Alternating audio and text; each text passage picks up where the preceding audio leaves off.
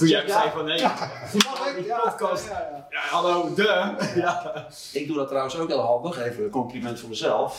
Jij bent natuurlijk, mensen als jij is natuurlijk makkelijk voor mij. is een makkelijke podcast voor je, ja. ja. Ik doe een paar dingen en jij raadt het wat. Ik hoef het er niet uit te trekken. Maar goed, we gaan in. Dus dat is jouw talent extra.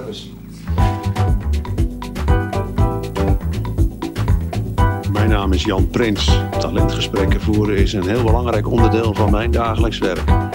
Daarom sta ik helemaal achter de volgende boodschap. Hoe mensen ontwikkelen en coachen. Samenwerking en performance verbeteren. Onze positieve talentmanagementmethode biedt de totaaloplossing. Hallo, wij zijn TMA. We gaan beginnen. Nou, mijn naam is Jan Prins.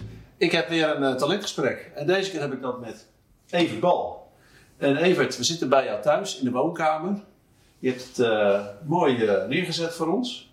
Heb ik laten doen. Laten doen. Heb je goed geregeld, eh, man. Ja, precies. Evert, wij kennen elkaar al, al best al lang. We hebben elkaar leren kennen eigenlijk toen we samen op dezelfde werkplek. We waren een soort van coworkers. Ja.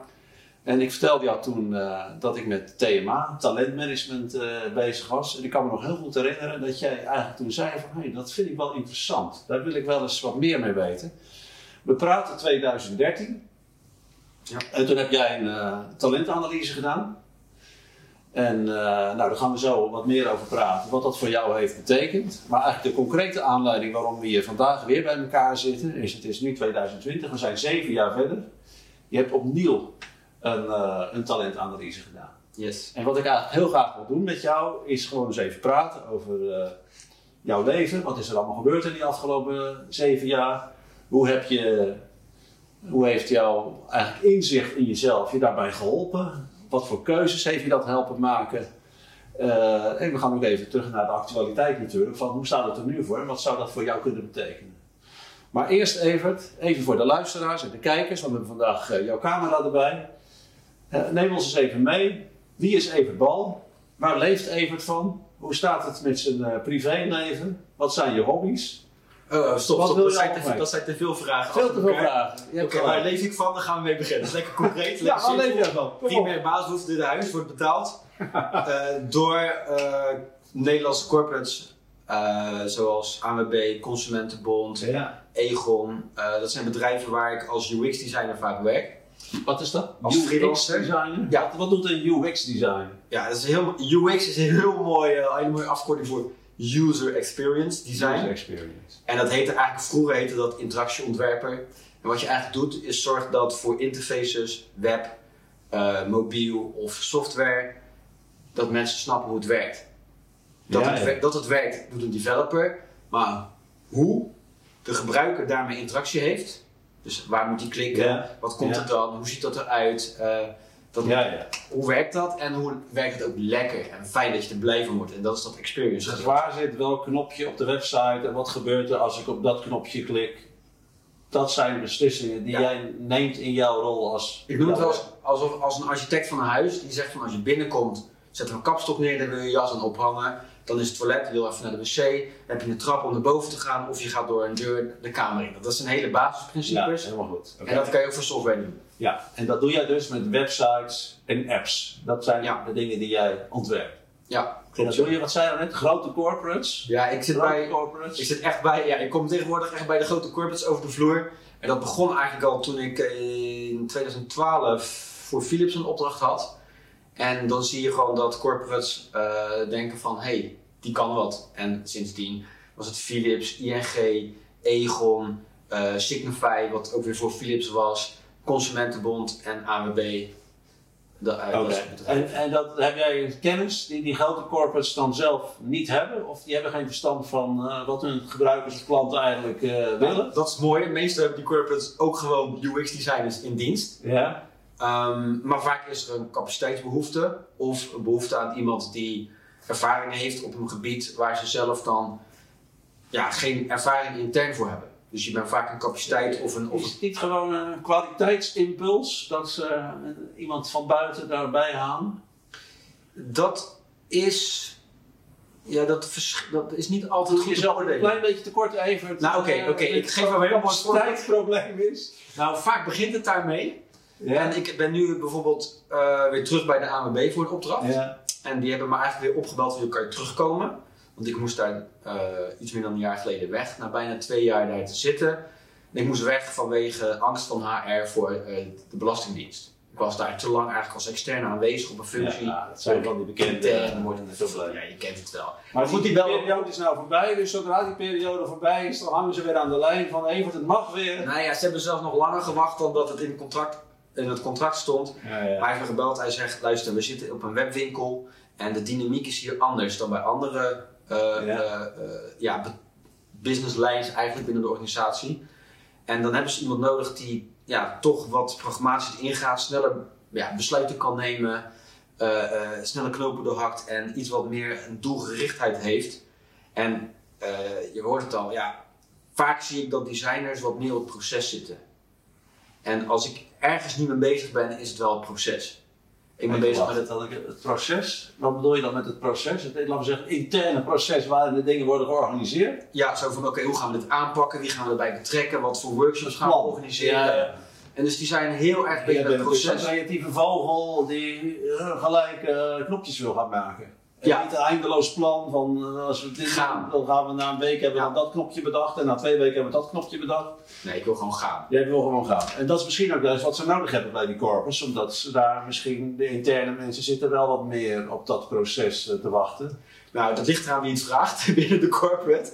Vaak zie ik dat de managers en de mensen uit de business heel blij zijn. Omdat ze weten van, hé, hey, hij durft die spagaat aan te gaan tussen business en gebruiker. Maar vaak zijn de andere UX'ers eh, toch wat, iets wat minder blij met mij. Omdat ik, ja, eh, De interne, of de de, inter- vaak ja, de ja. interne UX'ers, ja. ja maar per se. Omdat jij een eh, verstorend element bent in hun voorspelbare dagelijkse eh, routinehandelingen. Geen idee. Dat, eh, ik, ik ga daar niet te Het bol zijn wel je opdrachtgevers, precies. Nee, nee, nee. Mijn opdrachtgevers die bellen me. Ja. UX'ers zijn niet mijn opdrachtgevers. Dus dat is heel interessant. Daar is het prima om. Om maar ik, ik, ik leer daar ook heel veel van. Hè? Want in het begin ging ik, merkte ik dat ook, ging ik te kort en te hard door de bocht. En dan denk je later van oei, ik ging iets te hard nu. En merk je dan dat je, dat je strijd ontwikkelde met die interne UX'ers? Ja, ja dat ze dachten van ah, even het weer. Even weer. En ik heb ook wel eens feedback gehad na opdrachten. eh, dat ze zeiden van ja, bedankt dat je ons geholpen hebt. Eh, ze waren blij met je, de klant. Maar wij, wij als organisatie, en dat zijn dan vaak eh, bedrijven die huren mij in, die zelf ook designers in dienst hebben. En die eh, zetten mij dan weer weg bij een grote organisatie. Omdat hun eigen designers geen tijd hebben.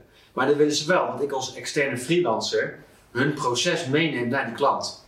Ja, goed, ik heb sowieso een slecht, slecht zintuig voor processen. Ja. En dan moet ik dus ook nog bij een klant rekening houden met de klant en het proces van de organisatie die me inhuurt en eigenlijk nog ook gewoon de manier waarop ik zelf werk. En iemand heeft een keer gezegd, oké, je bent een natural, jij komt binnen, je kijkt rond en je ziet alles en eh, je analyseert alles en dan, als je genoeg weet, ga je. En dat is fijn, maar dat betekent voor de mensen die heel graag vanuit een proces willen werken, dus bij elke stap eigenlijk terugkoppeling geven naar Ja. iedereen die betrokken is, en dan heb je, dat, dat is moeilijker voor mij.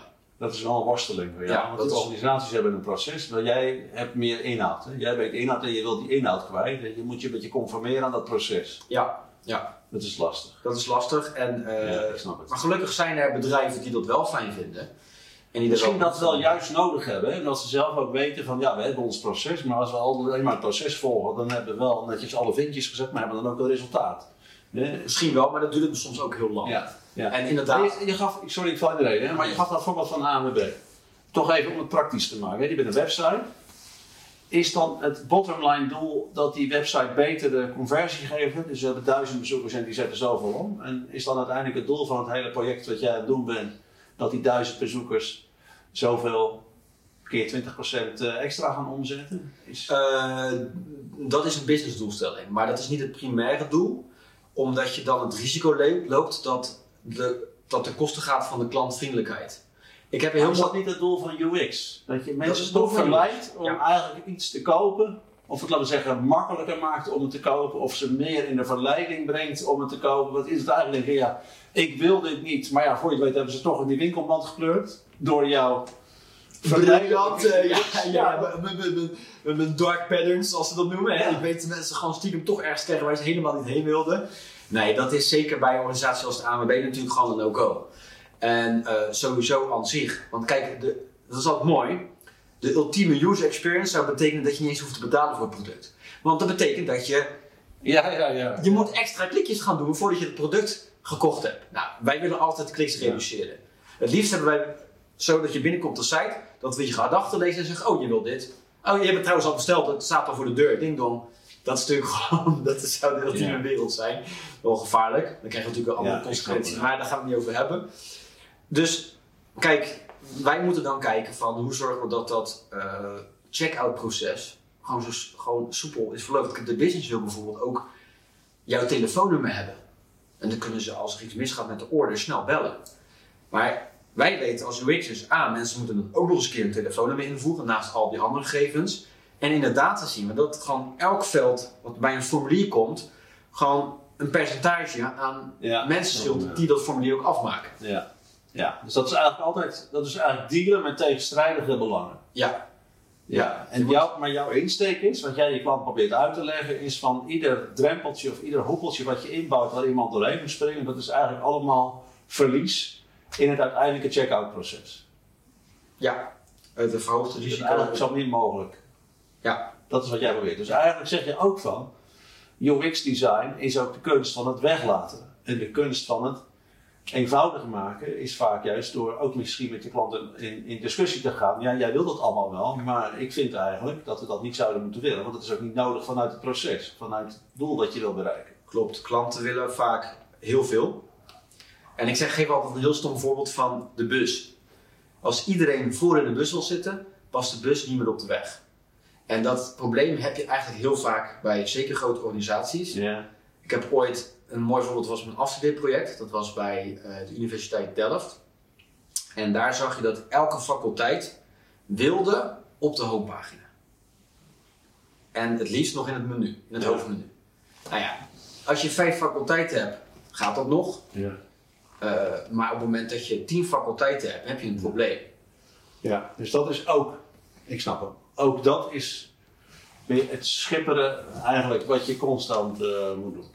Oké, dat is, ik snap dat, ik denk dat we nu een beetje snappen wat jouw werk als uh, UX-designer is. er nog een reden, Evert, waarom jij dat als freelancer wilt doen en niet, hè, je kan ook laten we zeggen kiezen voor de vastigheid, zeker in die coronatijd is het allemaal moeilijk, moeilijk. Hè? Dus ik denk dat vast, vast al is gevraagd of je niet in vaste dienst wil komen. Ja, ja. Is er iets wat jou daarvan weerhoudt om. eh, Ik weet nog toen ik stage ging lopen. En toen op een gegeven moment dacht ik van, dit, dit trek ik niet. wat trek je in? En dat zo, nou, eh, ehm, werken bij een bedrijf. En ik weet nog wat ik toen zei tegen mijn toenmalige vriendin, nu mijn vrouw. Zei, luister, ik trek het niet. Of ik wil weggaan, of ik wil de baas zijn. En, en dat... Oké. dat- En je weggegaan. Niet meer geen baas. Nou, ik heb mijn stage afgerond, maar ik, ik, ik, ik, ja, ik, ik moet dan wel echt, er moet dan, ze moeten, ze- iemand moet dan zeggen, oh, we moeten dit fixen, geen idee hoe, oh, dat doe ik wel, bam, en zich niet mee bemoeien en dan ga ik het fixen. En dan ga ik, ga ik er los op. En dat, dat is eigenlijk de beste manier waarop het werkt, dus ik wist al gauw, ehm, ik moet niet in dienst gaan bij een bedrijf. Dat voelt zo, het, het, het, het, het, het lukt niet. Je kan, en ik heb het echt geprobeerd, geloof mij. Ik heb het echt geprobeerd. Ik heb echt geprobeerd om me neer te leggen bij eh, de dingen zoals mensen verwachten. En zoals we verwachten dat ze moeten gebeuren in onze maatschappij. En het klinkt heel erg van de maatschappij versus ik. Maar oké, laten we het hebben dan over de grote getalen. De meeste mensen kiezen voor een vaste baan. Zodat het gewoon zekerheid is. Nou, eh, ik ging vroeger al met eh, krakers om. En Ja. figuren, terwijl ik helemaal niet uit zo'n hoek kom. Ik kom uit een, een, een zwaar gereformeerd nest. Dus die in Bekromp aan de IJssel. Eh, Hoe zeg je? eh, Krimp aan de IJssel, sorry. Bekromp aan de IJssel, ja, ja. Wat hoor ik nou? Bekromp aan de IJssel. krompen aan de ijs. En eh, ik kan er niet weg, want ik ken niet iedereen. En ik maak lastige vrienden. we gaan dit straks wel op internet op flikkeren, hè? Ja, maakt niet uit, kom maar op. Ja, ja, ja. Ik bedoel, eh, ja, weet je, hoeveel luisteraars heb je? Ja, precies. Ja. Het komt Maar misschien dat je over tien jaar wil, wil je een epische podcast en dan eh, Ja, ja, gaan mensen dit alsnog terugluisteren. Kromp aan de IJssel. Ja, Ja. heel gaaf. Oké, maar wat je wou zeggen. Ehm want je ging om met die krakers, hè, dus je voelde je verwant aan de, de misfits. Ja. Is dat een beetje Ja, eh, ja. wat je zegt? En, Ja. dat, en dat is ook waarom je niet thuis voelde in, laten we zeggen, de corporate omgeving? Nou, de corporate omgeving ken ik niet zo, want ik kom echt uit een arbeidersgezin in die zin. Dus ook de corporate omgeving was niet zozeer het probleem. Het, het ging vooral om dat je gewoon eh, eh, de, de meest gangbare beroepen waren. Eh, of, of de meisje ging naar de pabo, of die ging in het ziekenhuis werken, de jongen werd politieagent, of eh werd planner of zo, of, of, of zocht een wat meer eh, baan met zijn handen. En, eh, maar ik, ik was altijd geïntegreerd in, in moderniteit, in computers, internet. Eh, ik, ik moest ook toen ik ging Maar studeren. dat is toch geen reden om niet bij een bedrijf te willen werken? Er zijn toch bedrijven Nee, klopt. waar innovatie belangrijk Nee, klopt. Ik denk dat dat misschien heel ergens anders ligt. En dat Waar dan, denk je? Waar zit het dan? Waar zit dan jouw weerstand in tegen in, zeg autoriteit. Autoriteit. Nou, ik ben opgevoed met de kerk. Ik ging twee keer in de week naar de kerk autoriteit. en dan zondagschool, ja. En vanaf dat ik een beetje rationeel vermogen had, ben ik vragen gaan stellen aan mijn ouders van waarom dit? Klopt toch niet? Dat is toch gek? Dus dat zat dat, ik denk dat het gewoon altijd al in zat. En ik denk niet dat je moet vragen waarom doe je dat. Ik denk dat je beter kan vragen van hoe overleef je überhaupt als je, als je in zo'n eh, situatie wordt opgegroeid. En ja, voor mij Maar jij zegt in was ieder geval, overleven. jij vindt dat jij, jij denkt dat jouw weerstand tegen autoriteit eh, heeft jou ervan weerhouden om een carrière te maken in de, zeggen, als werk, werknemer. Ja, dat denk ik wel. Ja, ja zeker. Hey, wij zitten hier voor een talentgesprek. Hè? Ja. Eh, ik weet natuurlijk waar wij het over gaan hebben, want ik heb dat al natuurlijk even van tevoren netjes bestudeerd. Ja, wel. Ja. Eh, wat mij opviel, eh, Evert, is dat jij op de drijfveer ontzag een 9 scoorde. Ja. Een keiharde 9. En wat wij daar als talentexperts van, van zeggen, is bepaalt niet dat je weerstand hebt tegen hiërarchie en eigenlijk autoriteit.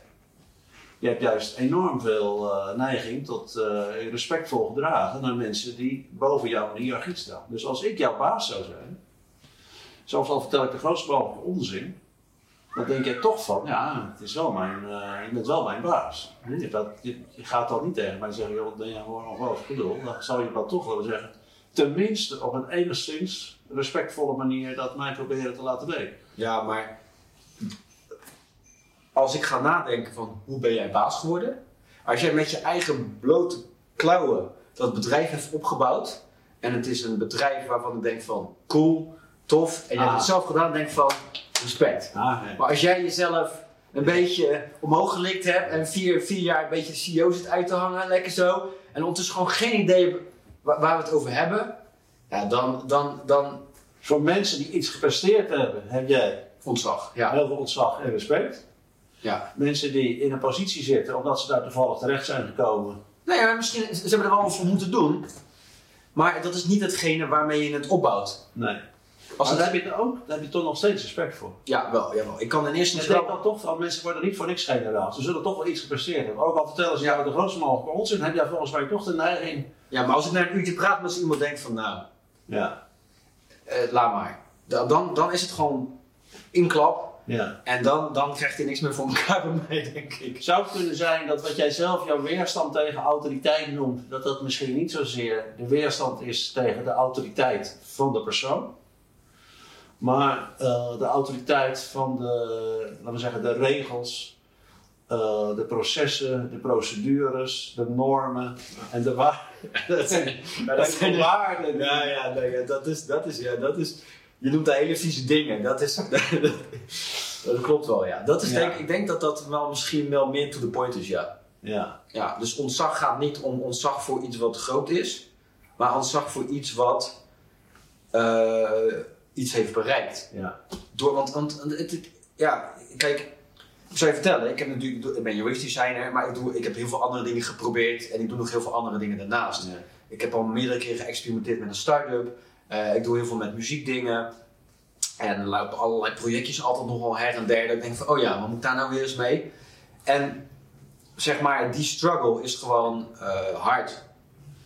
En Ik zie dat helemaal voor me, Evert. Want wat je, die, die weerstand tegen processen, en die zit eigenlijk heel erg in je drijfveer conformeren.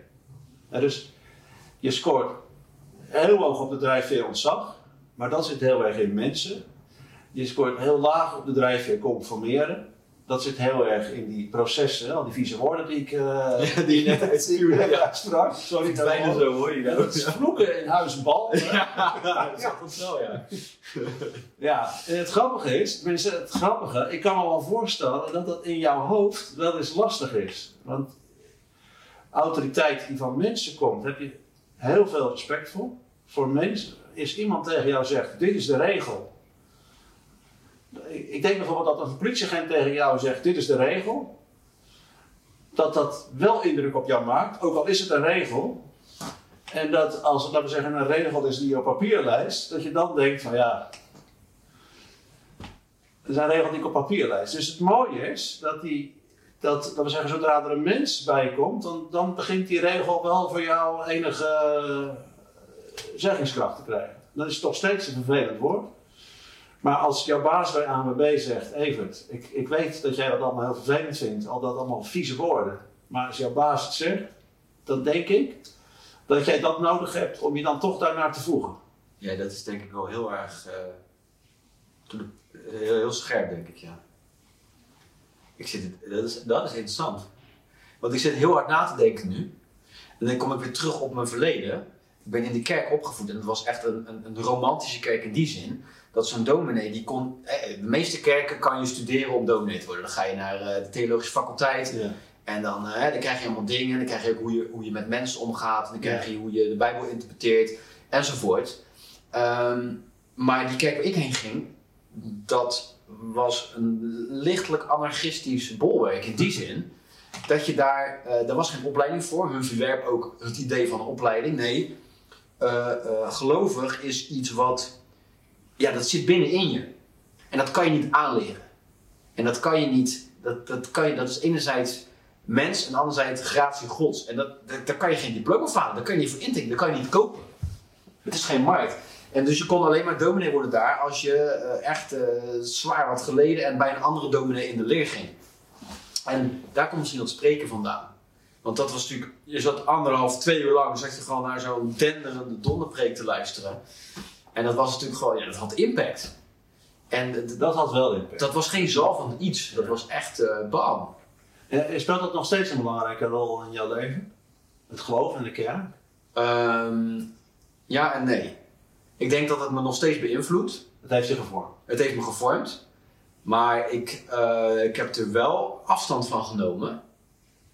Zo in de zin van dat ik nauwelijks nog naar een kerk ga. Ja, met kerst is. En als ik mijn kinderen... Mijn kinderen heb ik dan nog wel laten dopen in die zin. Omdat ik ook wil dat als zij willen geloven, doe het. Ik snap ook de romantiek ervan. En het misschien wel het zin geven van je leven. En het, we zitten nu in een heel interessante tijdsperk. Waarbij de discussie misschien wel komt van... eh, we hebben met z'n allen eh, religie overboord gegooid was dat eens een goed idee. En dan heb je, nou ja, goed, heel die conservatieve stroming, die heeft daar weer romantische ideeën over. Dat we moeten terug naar vroeger, naar de tijd dat we naar de kerk gingen enzovoort. Wacht even. Ja, dus ik, even dat ik nog blijf volgen. Ja. Dus het geloof is belangrijk geweest in jouw vorming, dat is wat je zegt. Dus jij ging braaf naar de kerk. En misschien heeft we zeggen, die dominee met zijn preek heeft wel eh, impact op jou gemaakt. Vroeger vroegen ze op basis van wat je worden, ik zei altijd dominee. Ik vond dat fantastisch. Die vent staat er voor Jij wilde 203. dominee worden. Ik wilde, ik Kijk, vond dat het zo fascinerend. Ja. Ik vond het zo fascinerend. Ik vond het inhoudelijk misschien niet zo interessant, maar het feit dat iemand op die kansel stond Ja, en daar het- eh, volk toesprak, Ja. Ik dat weet, jou... ik weet nog dat het zoontje van de dominee zat een paar jaar bij mij in de klas. En toen ging ik een keertje met hem spelen. Bij hem spelen, dan ben ik uiteindelijk niet gegaan. Ik vond het too much om in datzelfde huis te komen. Als waar die dominee was. Dat is weer ontzag, hè? Ja, Zoveel respect voor die man op die kansel. Ja, ik denk, het, ik denk dat ik het emotioneel niet aankom. Ja, ja. Dat is wel interessant wat je zegt, want dat is inderdaad een andere drijfveer van jou. Eh, dat is extraversie. Dat is echt een talent. Als je dat als dominee niet hebt, dan kan je beter wat anders gaan doen. Eh, hè, dat is, ja, extraversie is enorm hoog. Ik denk iedereen die hier naar kijkt en luistert, die merkt dat ook wel. Hè, jij praat graag. Ja. Hè, dus ik denk dat je dit, voor mij vind je dit ook hartstikke leuk. Hè? Ja, ja, jij, toen jij Ja. zei van nee. die podcast. Ja, ja. Ja, hallo, de. Ja. Ik doe dat trouwens ook heel handig, even een compliment voor mezelf. jij bent natuurlijk, mensen als jij is natuurlijk makkelijk voor mij. is een makkelijke podcast Ik, voor je, ja. ja, ik doe Ja. een paar dingen en jij raadt het wat. Ik hoef het er niet uit te trekken. Maar goed, Nee. hè, we gaan even. Dus dat is jouw talent extraversie. Ja. Hè, dus staat, staat graag in het middelpunt. Dus op zo'n kansel staan. Maar dan kan ik me toch voorstellen, Evert, dat ik, ik, ik snap, hè, tenminste, ik zie nu, want hoe ontstaan talenten? Ja, dat is toch iets uit je jeugd, eh, dat vormt je. Dus ik zie, ik kan me laten zeggen goed voorstellen dat die dominee zoveel impact op jou gemaakt heeft, dat dat zo inspirerend voor jou is geweest, dat je denkt, hé, hey, daar, kan ik wat mee, dat, dat vind ik mooi. Eh, maar ik zie even niet de relatie naar de UX-design. Ken jij dat talent in je werk? Ehm, En je, want je bent geen dominee geworden. en toch wil ik mensen vertellen wat ze moeten doen. Gelukkig komt er af en toe hier, klik de Ja. podcast. Kun Koop je nu. Reken af, Ja. eh, anders ga je... nee. Ja, maar ik kan, dat is altijd waar ik natuurlijk scherp op ben. Van, kun jij in je werk je talenten kwijt? Want als je je talenten niet kwijt kan, ja, dan is het toch een beetje onbenut talent. Is zonde, maar is ook eigenlijk demotiverend. Dus hoe... Nou, mijn eerste vraag, hè? Nee, ik, ik, Kun, kun je voor jouw gevoel, jouw behoefte om, laten we zeggen, de mensen om je heen te inspireren, eh, te vertellen hoe, ze- hoe ze het moeten doen, kun je dat kwijt in je werk? Tot op zekere hoogte. Kijk, wat één voordeel is van mijn werk, is dat ik eh, elke keer als ik een nieuwe klus begint, krijg ik opnieuw de kans om te shinen. Eh, en, om- en daarnaast ook om Ja. Oppervlakkige contacten aan te gaan. Dat vind ik fijn. Ehm, Oppervlakkige contact. nee, maar goed, ik, nee, nee, nee, ik dwaal af. Ik dwaal af. Wacht, dwaal even terug naar je vraag. Kan je extraversie in kwijt? Ehm, ik denk het uiteindelijk niet. Ik bedoel, ik zie wel, ik zie wel facetten in mijn werk waarin ik hè, een beetje kan uitdrukken. Maar in die end, als ik echt over nadenk, komt dat niet verder dan met vol enthousiasme mijn nieuwe design presenteren. Maar het design zelf is natuurlijk uiteindelijk gewoon een soort spagaat tussen het bedrijf en de eindgebruiker en de huisstijl. En dan eh, conversie. En dat ik het misschien dan nog ergens dan denk van ah, ik vind het leuk om het een beetje zo te doen.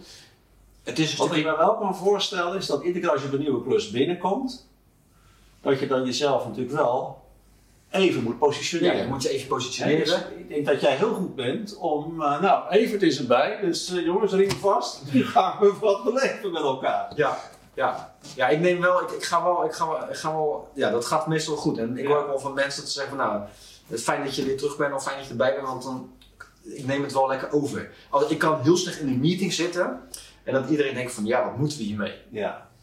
En, en ik, ik vind het sowieso Er altijd gaan wel, geen meetings voorbij waarin Evert eh eventjes de punten eh, maakt. ja, of als ik hem niet maak, dan kan je ervan uitgaan dat ik ondertussen heel iets anders heb zitten doen meeting. Oké. Want dan ben ik gewoon, dat is, dat is, dat is heel lastig. Ja. Dat is, eh, maar, Oké, dus vraag, kun je het in je werk kwijt? Eh, nee, nee, uiteindelijk niet. Niet voldoende. Nee, niet voldoende, want en, ehm, En hoe los je dat op dan? nou, dat, eh, muziek. Muziek. Ja, ik, wat ik doe, en ik heb heel mijn leven al muziek gemaakt toen, ik elf, toen ik 11 jaar was. Vroegen mijn ouders niet van, nou ga je muziek maken? Nee, die zeiden, welk instrument ga jij spelen? Nou, oké. En een orgel, denk ik? Of eh, Nee, dwarsfluit, orgel, piano. iets, eh, iets wat je in de kerk... eh, Nou, uiteindelijk werd het trompet. oh, Is op zich ook best een klassiek instrument, maar toch ook wel weer expressief en solistisch. En nu ik over nadenk, is het eigenlijk het perfecte instrument voor mij. En dat heb ik toen Ik tijd. denk aan die gast op de Dam, weet je, op, eh, op 4 mei. Hè? Ja. Dan, eh, dat is natuurlijk een moment of fame voor de trompetist. Hè? Ja, dat is, ja. eh, ja, dat is eh 10 seconds of hoe lang duurt die? Je one minute of fame voor de gemiddelde Ja, dat is trompetist. meer dan ongeveer. ja. Die ging vals trouwens, hè? ik heb er helemaal geen verstand van, maar die, voor mij hoorde ik een valse noot de laatste keer. Laatste keer. Nou ja, we dwalen af. Je bent dus trompetist.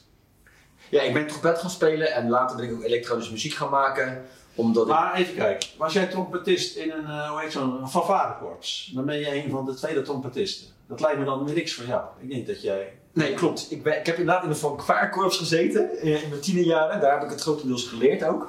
En daar had je dus daar had je, eh, de simpele trompet, die had één knop. En daar, dat was een signaaltrompet. Daarmee kan je de dodemars spelen. Eh, want daar zitten geen halve noten in. Dus je kan de hele notenrange spelen. Maar je had ook, in het fanfare had je een aantal mensen, twee mensen toen ik erbij kwam, die speelden dan de cornet met de drie knoppen. En dan kon je meer melodieus en liefelijker spelen. En da- daar ben ik gelijk op gegaan, ja, klopt. Dus ik stond gelijk al wel in die, Want dan ben je een solist, of niet? eh, dan heb je wel meer impact, ja. Eh, het is niet altijd dat je een solist bent, maar je kan wel meer. Dus Ja. in sommige nummers ben je noodzakelijk om iets te doen.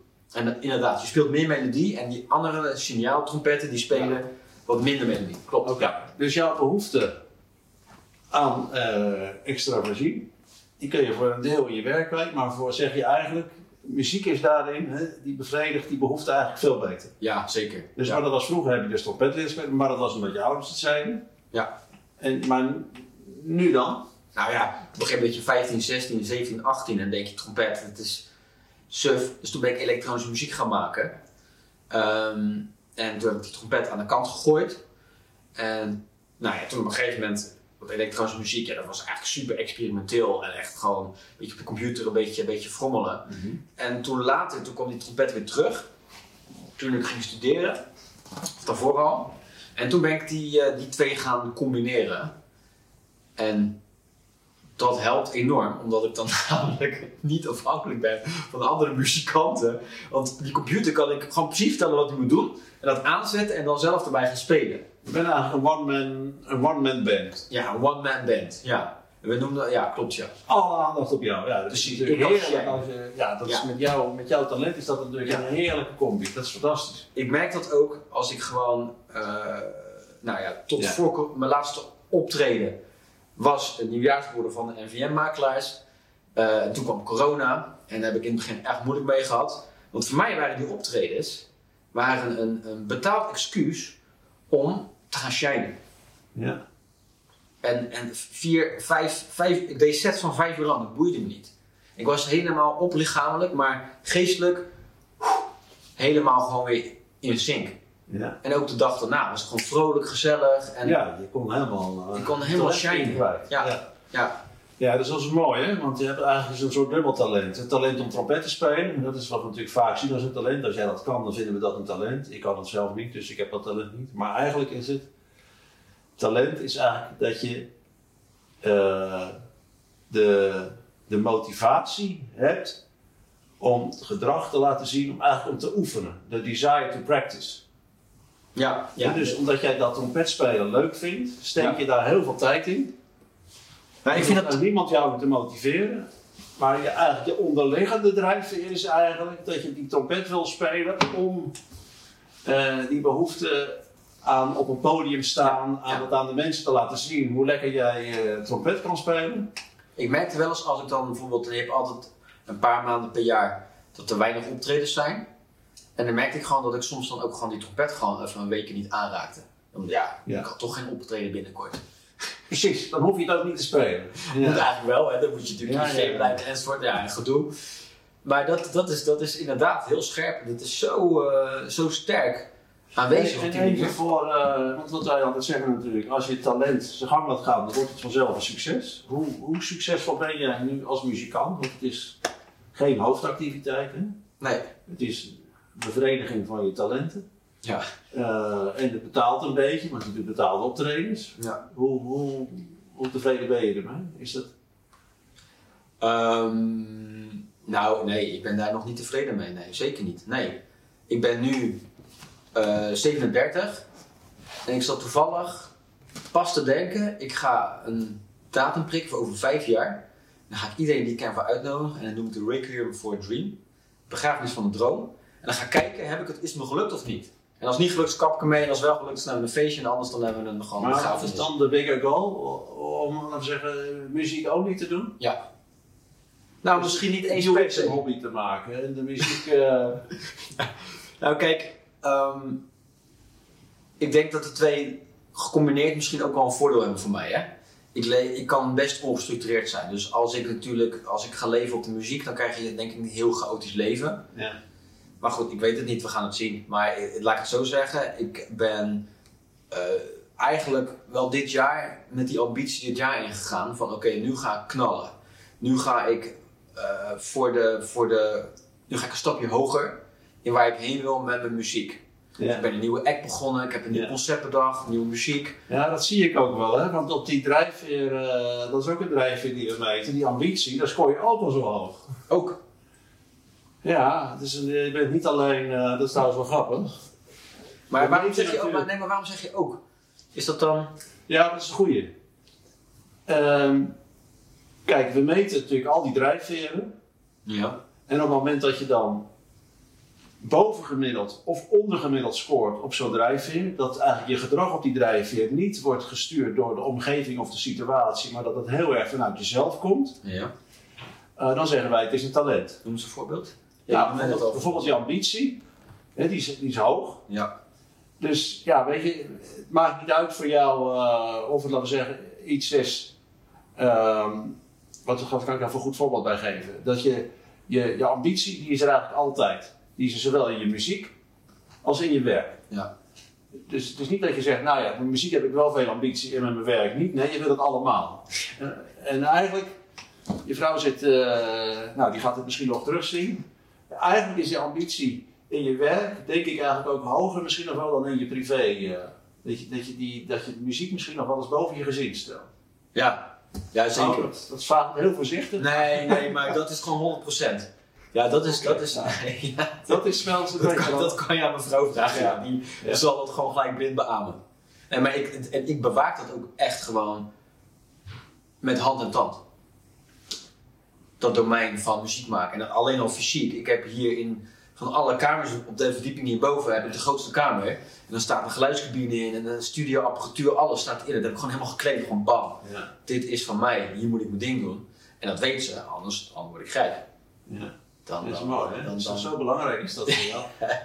en wat ook mooi is, wat wij zien vanuit die, vanuit die thema-methodiek, is dat die, die behoefte aan extraversie, die is hoog, maar die wordt eigenlijk nog versterkt door die ambitie.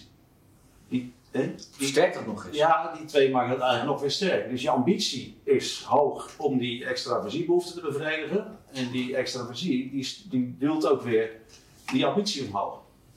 En er is eigenlijk nog één, en dat scoor je ook alweer zo hoog op, dat is je aanzienbehoefte. En dus we zien vaak dat mensen die graag op een podium staan, ja, waarom sta je daar? Omdat je natuurlijk, ja, een beetje voor het applaus en de credits. ja. Hè? Dat, dat helpt ook weer. Dus dat is weer een versterkende factor. Ja. ja, dit is heel interessant. Ik heb eh, een paar jaar geleden, heb ik eens, voor mezelf ben ik gaan zitten.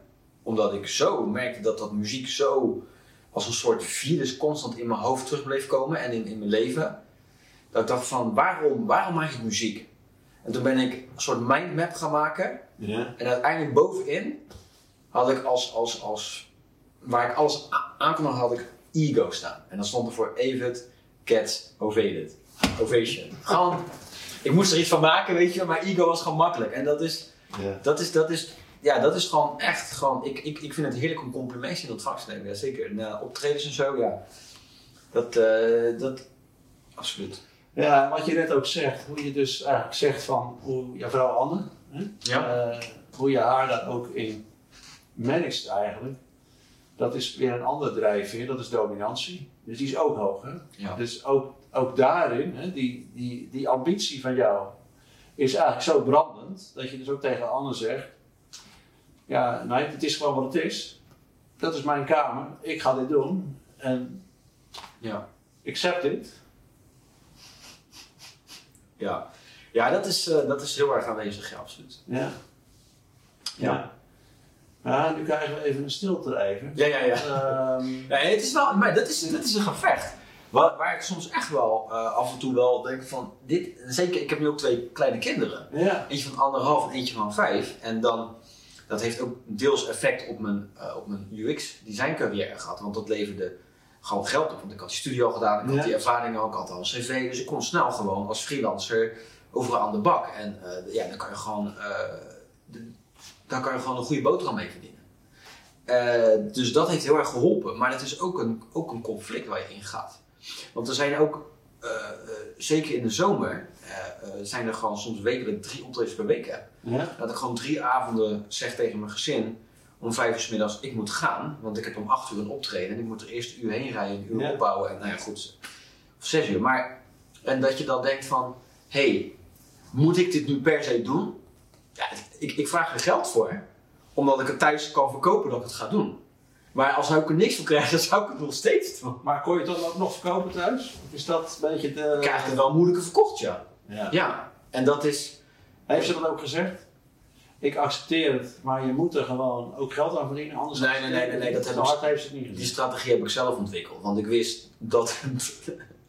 ik denk wel na daarover van hé, hey, als ik dat ga doen, dan, nou, dan krijg ik vragen, problemen, dan wordt het misschien lastig. En dan ga ik gewoon, ga ik gewoon geld voor vragen en dan, eh, dan kan ik het zo verkopen.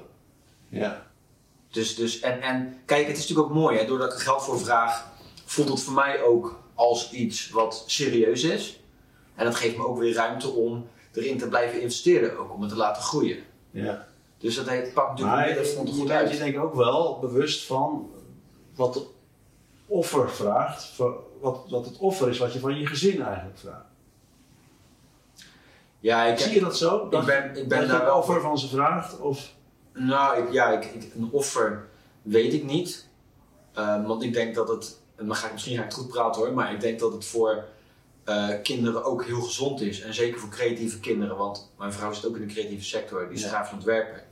En ik denk dat kinderen, eh, wat ik heb gemist misschien in mijn leven en eh, wat ik bij meer mensen in deze cultuur zit waar ik ben opgegroeid, is dat je een voorbeeld mist van iemand die dus eh, zijn eigen weg gaat. En het daarmee ook lukt.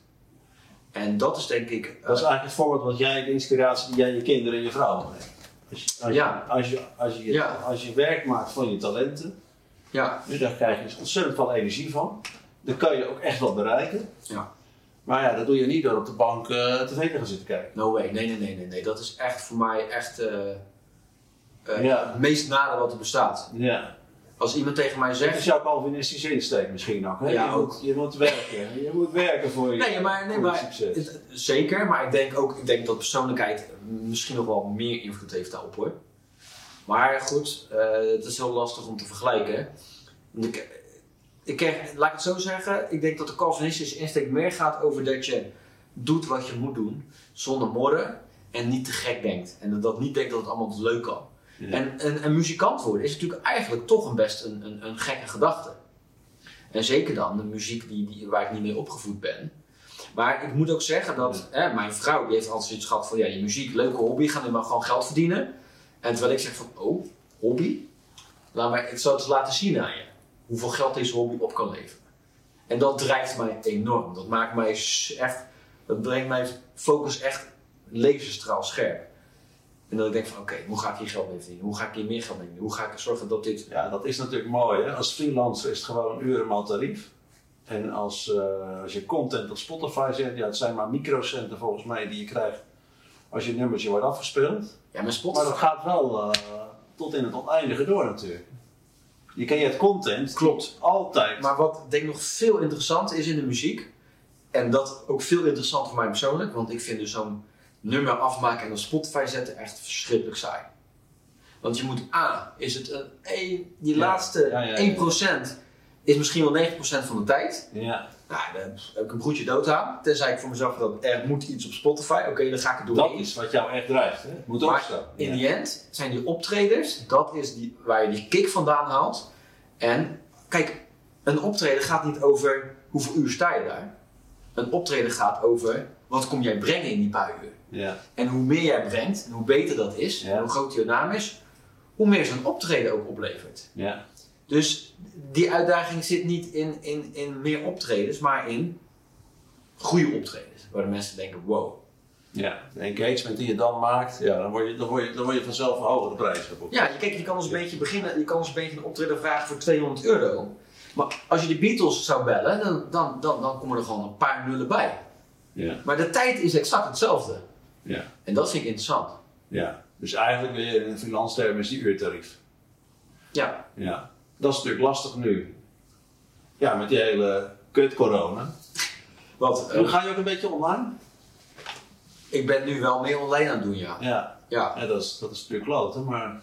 Maar ik vind, het wel, ik vind het wel lastig. Ja. We zitten nu ook tegen de camera te praten, maar ja, het geeft niet dezelfde bevrediging als zou hier 300 man zitten. Evert, over vijf jaar, dan zeg je tegen je kinderen, hoe oud zijn ze? Kunnen ze dan een filmpje kijken? Anderhalf Kijk, dit zei papa vijf jaar geleden, want over vijf jaar gaan we dat, ga je dat doen, het requiem voor... Requiem, ja, hoe zeg je dat? Requiem, voor een dream. requiem voor een dream. Ja, Requiem voor my Evert, eh, ik vond het super interessant. met jou. Is er nog iets wat jij graag aan mij wil vragen? Want dan gaan we het een beetje afsluiten. En dan vind ik het eigenlijk wel leuk dat we met elkaar afspreken. Dat we over vijf jaar weer eens gaan kijken. Hoe het met jouw droom zit. Wat ik ook echt, dat wil ik nog wel even kwijt aan de lieve luisterkinders. Ja, die heb ik gepikt. Maar de... de- we hebben ook even gekeken van, wat is er nou in zeven jaar met jouw talenten gebeurd? Oh, ja, dat is interessant. En eh, wat we eigenlijk zien is, wat we wel vaker zien, is dat er eigenlijk structureel niet zoveel verandert. Dus de talenten zijn hetzelfde. Ehm, alleen wat er bij jou echt opvalt, is dat die talenten zijn eigenlijk nog scherper geworden. Ja, Dus waar je, waar je eerst een 7 had, voor extra plezier heb je nu een 9. Dus je zit heel erg aan die uiterste eh, van het spectrum. Dat is, dat is eigenlijk een heel sterk talent. Wat ik je nog wel wil meegeven, is dat je dan natuurlijk meer kwaliteit eigenlijk hebt. Ja. Maar ook, Ja, uitdaging. ja, het is een beetje kruifiaans. Met elk voordeel heeft zijn nadeel. Ja. Er is ook meer kans op dat valkuilen dan nou. Daar, hebben we het een beetje over gehad. Ik, ik denk met name ook in je, in je, in je, in je, in je gezinsomgeving. Die moeten er wel in meegaan. Ja. En ik denk dat die toe best mis. Als jij staat te shine op zo'n podium. eh, dan denken de kinderen misschien, nou, papa is goed bezig voor ons, maar waar is die eigenlijk? ja. Ja. Ja, dat, is, dat is natuurlijk altijd zo, hè? Dat, is, dat heb je altijd in het leven. Dus Maar dat- dan hoef, dan hoef ik maar te bedenken, ik wil ook een goede vader zijn en dan heb ik weer eentje voor mijn ambitielijst. En dan, Ja, precies. Dat is Als ik het precies. ja, en dat- ik denk ook, het allerbeste is het als jij kunt leven naar je talent. Als jij jezelf kunt zijn. Als jij die ambitie hebt en je kunt hem in je gezin niet kwijt. Hè, omdat, je, omdat bijvoorbeeld jouw vrouw je daar niet de ruimte voor geeft. Ja, dan, dan, is, dan, dan kun je zeggen van oké, I give up. Ja. Hè, eh, I give in. Ik, ik doe nee. wat jij wil. Maar weet je, Nee. Uiteindelijk wordt niemand daar gelukkig. Jij wordt er ongelukkig van, maar jij gaat je ook naar je vrouw ongelukkig gedragen. Ja. Hè, Dus als, je- als jij je energie houdt, dan ben je, als je daar niet bent, hè, dan ben je, ben je weg. Als je er niet bent, dan ben je weg, dus dan heb je ze niet. Maar als je dan weer thuis bent, dan kom je energie thuis en dan ben je een hartstikke leuke vader. Ja. En ik denk dat je daar veel meer aan hebt dan als je je zaggerijnig thuis gaat zitten. Dag. dan ben je er wel, maar dan ben je helemaal niet leuk. Nee. Hè, Dus dat, dat is, laten we zeggen, de, de lesson of talent management, de, les, de lesson in life. Ja. Ik denk dat dat het allerbelangrijkste is. Nou ja, dat is mijn stichtelijke woord. Ik vind je een geweldige gast, eh, Evert. Dan hoeven we nog wel even iets. eh, ik heb jou een paar keer zien optreden. Ja. Dus wij doen dat niet zo vaak natuurlijk, want we houden niet van. ik heb een paar keer een feestje gehad waarin ik eh, mocht bekijken wie er ging optreden. En dan vind ik echt. Jij bent een geweldige eh, act om erbij te hebben als je een feestje hebt. Hè, dus, dus gewoon, vooral, vooral als het een bedrijfsfeest is, als het een corporate feest, als je ook nog gewoon een biertje wil drinken. Eh, dat vind ik dan, dat is een van mijn drijfveren, dat ik vind het leuk om dan op zo'n eh, borrel rond te lopen en dan met iedereen een beetje te gaan praten. Ja. En dan is het fantastisch als, je zo, als jij dan een act bent. Want jij bent niet een act die keiveel, die herrie maakt. En eh, waardoor je niet meer met elkaar kan praten. En eigenlijk afdwingt dat iedereen de hele dag naar jou staat te kijken. Nee, je bent een act die, laten we zeggen, met bescheidenheid, goeie, eh, leuke muziek, een leuke combinatie van elektronische muziek en een trompet. Eh, maar je kan ook nog rustig een gesprek voeren met iemand anders. Ja. Dat vind ik, maar dat is mijn eigen mening hoor, maar het is wel een, recommendatie voor, voor, de, voor de luisteraars. Je moet nog even zeggen hoe dat heet, jouw act. Nou, dat is interessant dat je dat zegt, want je Ja. vertelt nu iets over die act. En misschien ga ik, ik weet niet, jij wil afsluiten hè? Nou, kom op! Maar kijk, maar jij zegt over die act, hè? Dus Ja. je bent dus- maar eigenlijk klopt die act nog niet helemaal 100% bij wie ik ben. Als je het zo vertelt. Eigenlijk ik zou je nog, ja, ja, je zou wel willen dat we allemaal in katzweep voor dat podium stonden. Gewoon Ja. festival, honderden mensen en dan op dat podium en dan gewoon anderhalf uur lang gewoon een dikke show.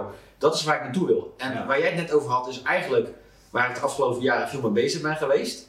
En waar ik nu naartoe wil en waar ik dit jaar aan begonnen ben, maar Ja. wat nog niet uitgegroeid is, want corona kwam langs. Is dat ik dus echt een show maak van een uur, anderhalf uur. Ja. Ook langs een trompet neer, Ik snap het, eh, laptop neer en een baf. En daar ben ik nu mee bezig. En die act waar je het over had was Joe Bailar. En dat is eigenlijk een beetje lounge, deep house, relax met een zwoel trompetje erbij. En waar ik nu mee bezig ben is eigenlijk boulder, house, techno. Eh, en dan eh, flink wat steviger in de pitch. En dan ook flink wat strakker en wat meer aanwezig bij die trompet op cruciale momenten in de muziek. ja, Oké, ja, dat is wel natuurlijk fantastisch is dat je dus helemaal in lijn met je talenten bezig bent. Dus ik kan het alleen maar toejuichen. Ja. Maar eh, zeg je nou eigenlijk Joe Ballard? Want dat is inderdaad waar ik het over had. Joe Ja. Ballard, die, is, die gaat dood. Die, is, die, die wordt vervangen door Tech Baker. Tech Baker. Tech Baker, ja. Ja, dat wordt hem. En Maar kan ik Joe ook niet meer boeken? Is het nu Tuurlijk wel, tuurlijk wel. Want, want kijk, als ik kan optreden, kom, dan kom ik optreden. Zo simpel is het. En, als ik, en weet je wat ik dan doe? Als het dan een beetje later op de avond wordt en iedereen heeft iets van het biertje te veel op, dan ga ik eens kijken of ik een beetje tegen beker erin kan gooien. Om misschien te proberen hoe dat werkt. Ja, ja. En kijken hoe mensen daarop reageren. Dus het, het, zal een, het zal een organisch proces zijn. Maar ik moest wel die stap maken, ja. Met een nieuwe act. Ik, ik kon, het, kon, het paste niet meer. Dat is Ja. wel heel grappig. Evert is geweldig. Echt heel leuk. Ja, Eh, ik vind het een goede afspraak. Over vijf jaar, dan kijken we weer eens terug ja, naar, jouw eh, naar jouw ambitie. En of dat inderdaad is gelukt om die techbeker eh helemaal neer te zetten. ja. Als ik naar je talenten kijk, dan is het eigenlijk, ja, weet je, vol Kwestie van talent. gaan. Dat- ja, echt waar. Zolang je in je talent handelt, zeg ik altijd, is succes eigenlijk onvermijdelijk. Ja, we hebben natuurlijk een beetje die corona's en zo, dat maakt het allemaal niet makkelijker. Nee. Maar zolang je in je talent bezig blijft, ja, ik kan me niet voorstellen dat het niet gaat lukken even. Top. Goed om te horen. Dankjewel. Zo is dat. Goed zo. Mooi. Naar het toilet. Nee. wel die zo.